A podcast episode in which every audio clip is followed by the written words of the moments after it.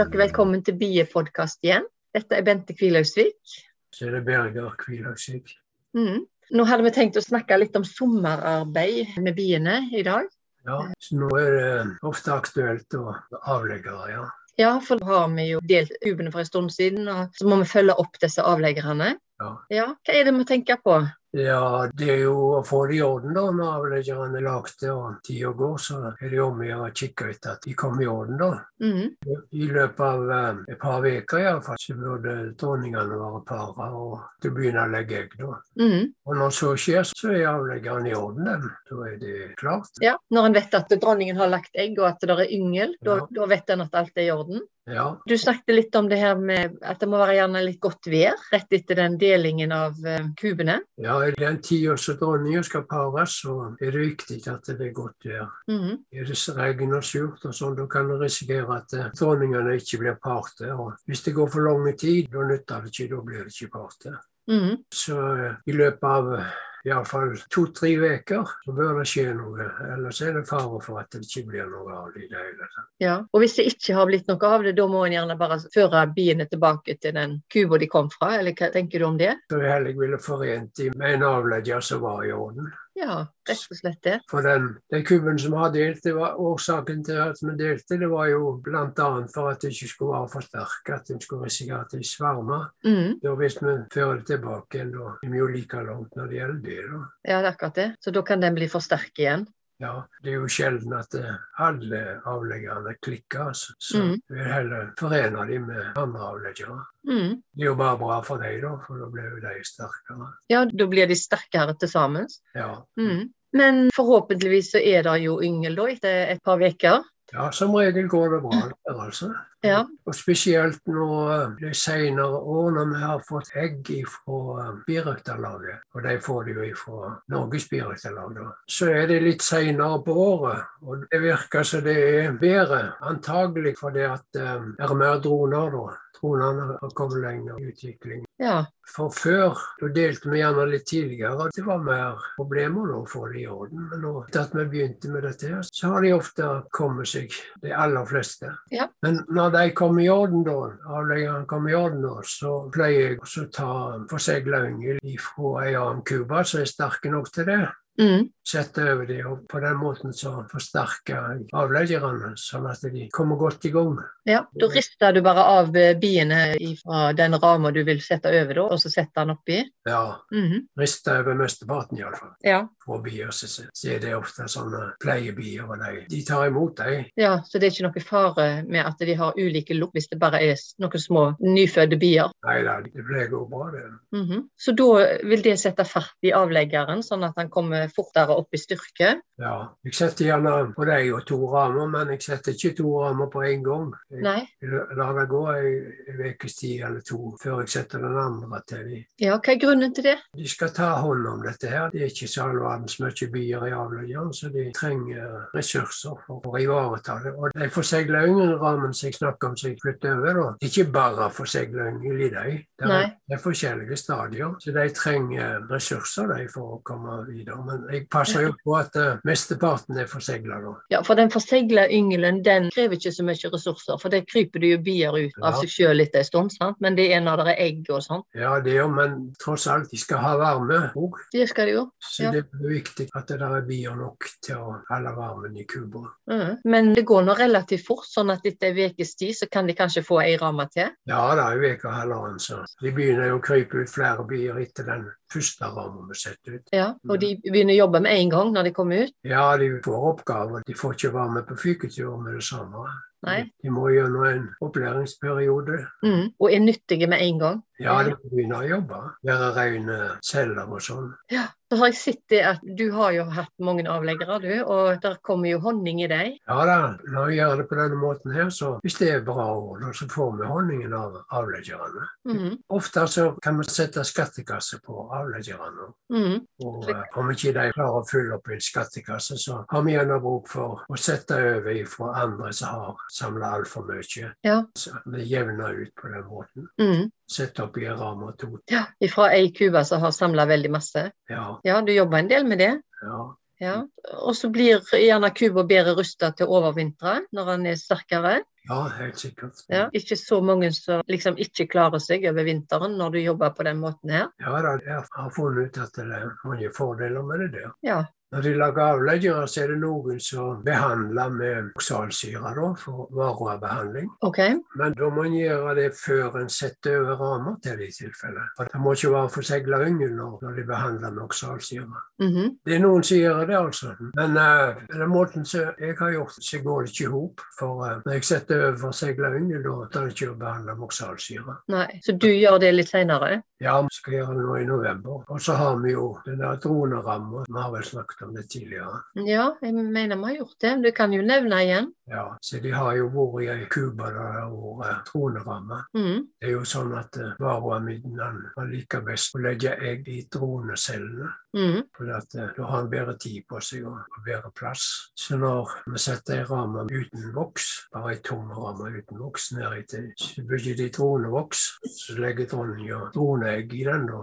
Mhm. I 90 tilfeller så, legger varoen eggene sine i den. Mhm. Og når vi går da, når de har forsegla droneyngel, da, det tar med å skjære ut hele greia, og så, mm, Rett og slett tar det vekk. så får vi vekk varroen. Ja. Pleier du også å ha dronerammer oppi avleggerne? Nei, pleier er ikke det. Ja, Det er helst oppi Ja. hårskubbene? Ja, så er det sånn at eh, de lir så langt på sommeren da, at eh, de slutter å lage droner. da. Mm. De minker på dronene utover sommeren. Så de tar vi vekk da. Mm. Ellers begynner de å legge honning i de. Det Ja, det er akkurat det. De er litt tunge å slynge. Det med vi glemmer å ta dem ut, og da får vi hånd i de der. og Det må være voldsomt forsiktige med når vi slynger. Ja. Det er jo ikke tråd i de der. Nei, sant. Det er bare ei tomme ramme. Ja. Ja, det er jo viktige ting. Men det gjelder altså ikke avleggere, men det gjelder morkubene. sant? Dette med dronerammene.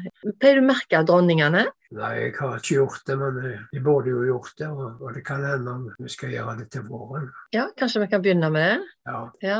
Men ser det er andre som merker dronningene sine. ja da. Og når det gjelder markedronninger, så er det, det er jo en god tid å gjøre det når dronninga er kommet i orden. Den Mhm. nye dronninger er kommet i orden. Da er det lettere å finne henne. Mm. Men uh, det er ikke så voldsomt lett å finne henne. Altså. Nei, det er ikke det. Jeg tror ikke hun er så stor med det samme heller. Jeg tror ikke hun skiller seg sånn ut fra de andre biene sånn som senere. For dronningen er jo en del lengre og større, sant? Ja. Men eh, så gjemmer han seg. Ja, helst står hun nede med baken nede i ei celle. Det er jo vondt å se. For det er jo det vi gjør. Nå legger jeg stikkebaken baken helt ned i bunnen på cella. Mhm. Men når det gjelder marking, da, så er det forskjellige farger. Ja. Én farge for hvert år. Dette året er det hvitt. Mhm. Så er det rødt og blått og grønt og gult i tillegg. Nye farger for hvert år. Mm. Er det spesielle malingen bruker til å merke dronninga med? Ja, jeg tror at det er, for den kjøper vi av Honningsentralen. Ja. Kjøper den i noen ferdige små runde glass. Ja, for han må jo ikke skade dronningen. Men det er jo alltid en liten fare for å skade dronningen når du setter farge på den. da. Ja, derfor er det viktig å se- ikke gjøre det før de er parte, for da skal de ut og fyke, og da kan det være problemer med malingen. Mhm. Kan rett og slett skade han. Så det var noen som hadde en sånn en kan du kalle det for en liten rist de la oppå dronningen når de fant han, for å holde han fast, liksom. Ja, det var to biter av et dronninggitter, det. Det var en grei måte, det. Ja. For da kom han til, og så kunne han kontrollere det bedre at han ikke klemte den for mye. Mm. Men ellers, til å merke dronningene i avleggeren, så er det jo en måte å gjøre det på neste vår òg. For da er det Ja. jo lite bier i kubene og lettere å finne. Så det er en mulighet òg. ja, til våren igjen. Ja. Hva fordeler er det med å merke dronningen, da? Nei, det hender det er greit å vite hvor hun er når vi skal dele, f.eks. Så skal vi lete den opp, og vet vi hvor vi har den. Mm. Da er det ikke så nøye med rammene, at vi rister av rammene og sånn for ikke å få dronningen med sånn. Hvis vi vet hvor hun er, da kan vi bare ta rammene med masse bier på og sette over i en annen kasse og sånn. Mm. Det kan være en fordel. Ja, for eksempel da. Det går fint utenom, altså. Ja, du har jo ikke pleid å merke de, har jeg forstått? Jeg har problemer med å finne de. Ja. ja. Men det er klart jeg hadde jo funnet de lettere hvis de var merka, selvsagt. Ja da, men du har nå dine knep, sånn at du pleier å vite hvor de er. Ja. Ja, og så hva mer må en passe på da i løpet av sommeren? Det er jo været, da. Hva det er å finne ute i naturen. Mm. Om det er surt vær, så må vi iallfall passe på at de ikke svelter, ja. og at de har pollen. Mm. For de går ikke ut og fyker så voldsomt hvis det er masse regn? Nei, de finner ikke mye da. Nei, så en god sommer med fint vær, det hjelper. Ja, normalt så går det bra. Ja, Men de trenger mat, de trenger pollen og nektar. Ja, Men når vi har kommet så langt at avleggerne er kommet i orden, da er vi jo kommet langt ut på sommeren. Da begynner det å bli trekk av forskjellige sorter. Mm. Så som regel er ikke det noe problem med mat og pollen. Men uh, når det gjelder pollen, da eh, pleier vi å gi dem litt sånn kjøpepollen Mhm, som vi legger opp på rammene. -hmm. Får lite grann, og så ser vi om de tar det. Og hvis de tar det, så får de mer. Og hvis de ikke tar det, så får de ikke mer. Da har de nok. Mhm. De tar det de trenger, liksom. Ja, de har ikke bruk for det da, hvis de ikke tar det. Nei. Men hvis det nå skulle være sånn at de har lite mat i løpet av sommeren, denne avleggeren, altså da kan en kanskje sette over noe honning og pollen fra Jan Cuba til de? Ja da, det kan. Og det andre kuben, det kan vi jo i sukkervann. Og det gjør vi jo. Ja, men ikke til avleggerne sånn når de er svake. Nei, for de har ikke forsvar. Mhm. De kan risikere at noen kommer og røver i sjøen. Ja, fordi at sukkervannet er liksom noe som de andre lukter seg fram til, og så kommer de og vil ha det. Ja.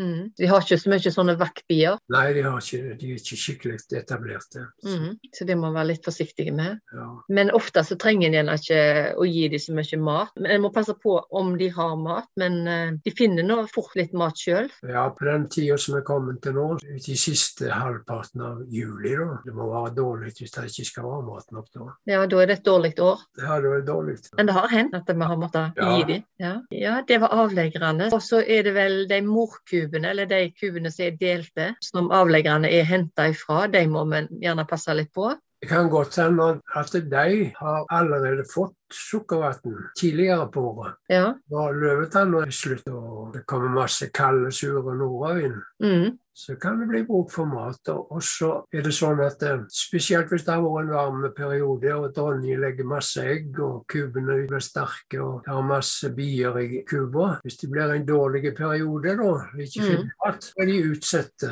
ja, for de trenger jo mat når de er mange. Ja, Da bruker de mye mat, og de som er mest utsatte da, det er de sterkeste kubene. Ja. De dauger ut først i tilfelle, og de bruker mest mat. Mm. Jeg tror det var sånn med Sveio-Cuba her eh, tidligere. Ikke i år, men eh, jeg mener vi hadde ei kube så det var nesten ingen mat oppi, så vi måtte gi sukkervann til. Ja, det er ikke uvanlig at vi gjør det sukkervann i juni f.eks. Mm. For å sikre at de har mm, å ete. Og vi trenger ikke vente til de har spist helt tomt. Nei. Det er bra for utviklingen òg at de får litt. Og da bruker vi ikke sånn massefòring som vi setter opp, og da har vi en sånn innskuddsfòring som, Mm. som tar eh, en kilo eller halvannen. Mm. Og så går vi og fyller på da kanskje en gang i uka eller noe sånt. Mm. Fyller et par ganger, kanskje. Ja, og det gjør at eh, når de har sukkervann hele tida, da legger dronning og egg hele tida. Ja, Det er et godt signal til dronninga at her er det nok mat. Ja, Ja, Og så må de, ja, de må ha plass når de finner honning, da, så må de ha plass til å legge honningen. Og de må ha plass til egg og yngel. ja, Så er det for masse honning. Hvis det er i Cuba der de har samla veldig masse honning og sånn, så, så begynner det å bli fullt, så må en gjerne ta ut av og kanskje sette over til avlegger, da, sånn som du sa i sted. ja. Eller eh, sette på en til kasse. Ja, klart det. Sånn skattekasse. Ja, Så de må ha plass til å legge egg og til å samle honning. ja. Så er det en annen ting òg utover våren. Det er det at eh, begynner de, når vi setter skattekasse på, så liker de seg best oppe.